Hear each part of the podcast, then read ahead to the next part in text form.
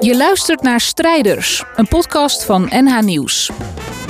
Ambitieuze en inspirerende Noord-Hollanders vertellen hun verhaal. Ze vertellen over hun dromen, hun successen en ook over de hobbels die ze onderweg tegenkomen. Deze week het verhaal van Dirk. Ik ben Dirk Groot, de zweveneter. Uh, ik strijd tegen zwerfafval en plastic soep. Dat doe ik door op te ruimen, door gastlessen te geven, lezingen, aan bewustwording te werken. Maar vooral door data te verzamelen over zwerfafval, zodat we bij de bron kunnen aanpakken. We zijn in het Wisseloordcafé in Hilversum. En op een sokkel, omringd door publiek, staat een voorwerp dat Dirk heeft meegenomen. Het is een leeg frisdrankflesje. Het is een beetje gebutst. Luister naar het verhaal van Dirk. Eerste vraag voor jullie. Wie van jullie heeft er wel eens wat op straat gegooid?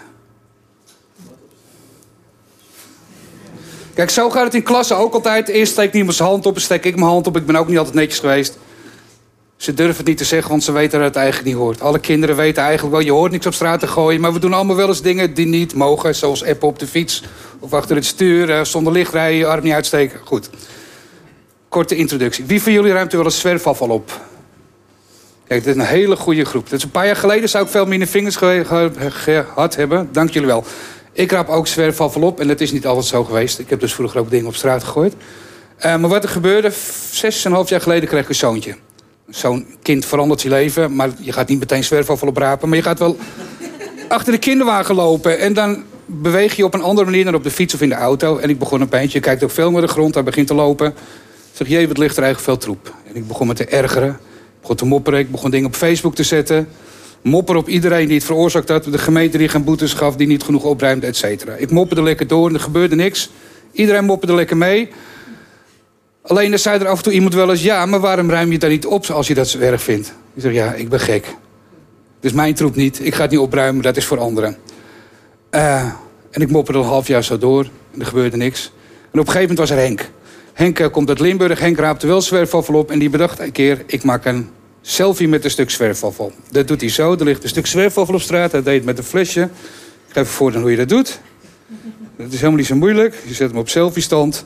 Je raapt hem op. En je hebt een selfie gemaakt. Dat zet je op social media met de hashtag Zwerfie. Dat is een selfie met opgeruimd zwerfafval.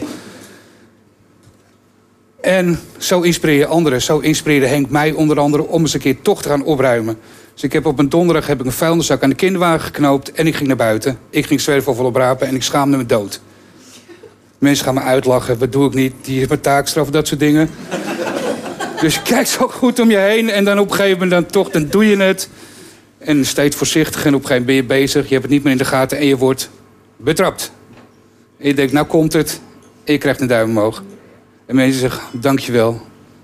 En een uur later had ik vuilniszak vol. Ik was in het centrum van Purmerend. Daar heb ik het vuilniszak, uh, vuilniszak in een vuilnisbak gedaan, die er toen nog was. En uh, ik dacht, hé, hey, dit is goed. Ik ging zo van huis, maar ik stond recht overeind. En ik ben het vaker gaan doen. Uh, ik begon te lezen over zwerfafval. Ik dacht dat het alleen troep op straat was. Ik leerde wat we inmiddels eigenlijk allemaal wel weten... dat het uiteindelijk in de natuur, in het water terechtkomt... Uh, dieren schaadt en uiteindelijk ook in ons eten. Goede motivatie om dat te blijven doen. Een grotere motivatie is dat ik allemaal mensen tegenkwam... die het ook deden of het gingen doen. Dus zo inspireer je elkaar. En ik bleef opruimen en opruimen. Ik kwam in de krant, noem dat soort dingen maar. En op een gegeven moment dacht ik wel, ja, ik blijf maar opruimen. En ik lees rapporten over zwerfafval die in mijn ogen helemaal niet kloppen. Die onderzoeken zijn subjectief en selectief. Ik ga zelf zwerfafvalonderzoek doen. Dus er is een app Literati, daar maak je foto's mee van zwerfafval. De locatie wordt vastgelegd. Je kan data aan toevoegen. Bijvoorbeeld, wat is het? Uh, waar is het van gemaakt? Welk merk is het? Uh, wat heeft erin gezeten? En op die manier kun je data verzamelen. Nou, ik heb het geëxperimenteerd. Toen heb ik een project gedaan van 100 dagen. Elke dag 200 stukken zwerfafval oprapen, minimaal. En daar foto's van maken elke keer. Uh, data toevoegen, heel veel werk. Ik kom bij de IT, dus ik weet hoe data werkt. Ik heb het 100 dagen volgehouden en dat is best knap, want 200 stukken zwerfafval opraken is meestal geen uitdaging. 200 keer een foto maken, een data toevoegen, dat is veel monnikenwerk. 100 dagen achter elkaar dat doen en je hebt een gezin en je werk, dat is best lastig.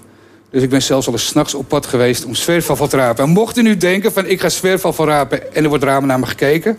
Als u het s'nachts doet, dan komt zelfs de politie kijken. Wat is die meneer daar in godsnaam aan het doen? En ze vonden het prachtig.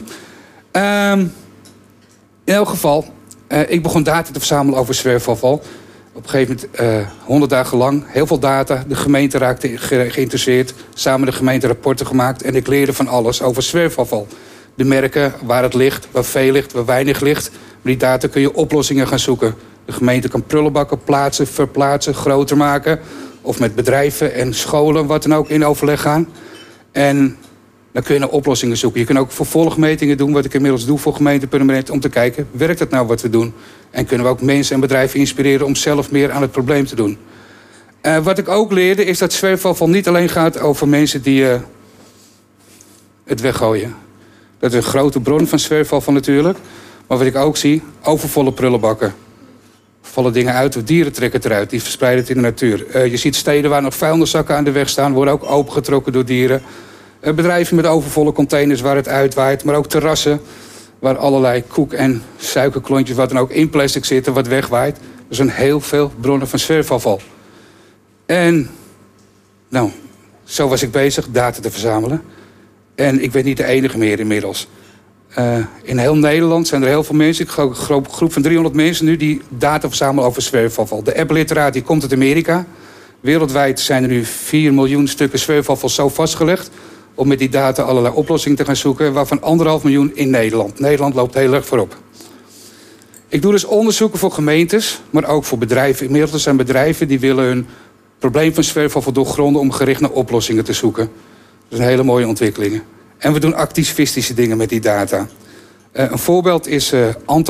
Ik weet niet of u Antaflu kent. Antaflu is een heel veel gevonden stuk zwerfafval, een hele kleine wikkel van plastic. Liggen overal. Deze heb ik net hier op de weg naartoe opgeraapt. Weet, hoe noemt u dit, zoiets?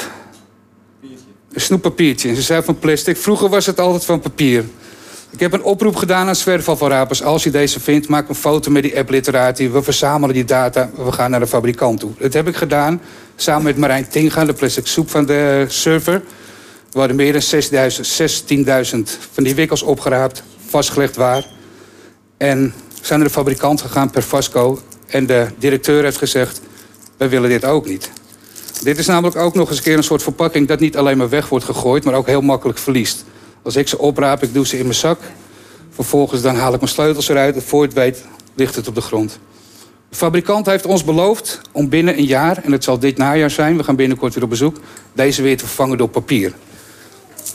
Dan hebben we het probleem van zwerfafval niet opgelost. Zwerfafval is ook al zo oud als de beschaving. Ga de geschiedenis maar in, je kunt het vinden. 100 jaar geleden hadden we ook al mooie campagnes als... laat niet als dank voor het aangenaam verpozen de eigenaar van het bos, de schillen en de dozen. Dat wil zeggen dat mijn grootouders ook al niet zo netjes waren. Alleen hebben we tegenwoordig natuurlijk veel meer van dat plastic. Dus uh, uiteindelijk is de boodschap... zwerfafval oprapen is geweldig. Dat is goed voor lijf en leden en voor iedereen. Alles wat je opraapt, dat komt niet meer verder in de natuur. En als we data verzamelen, wat wij doen... dan kunnen we ook op zoek gaan naar gerichte oplossingen. Dank jullie wel. Leuk dat je luisterde naar het verhaal van Dirk. Dit verhaal is er één uit de serie Strijders van NH Nieuws. Abonneer op deze podcast voor meer mooie verhalen van strijders. En helemaal leuk als je een reactie achterlaat.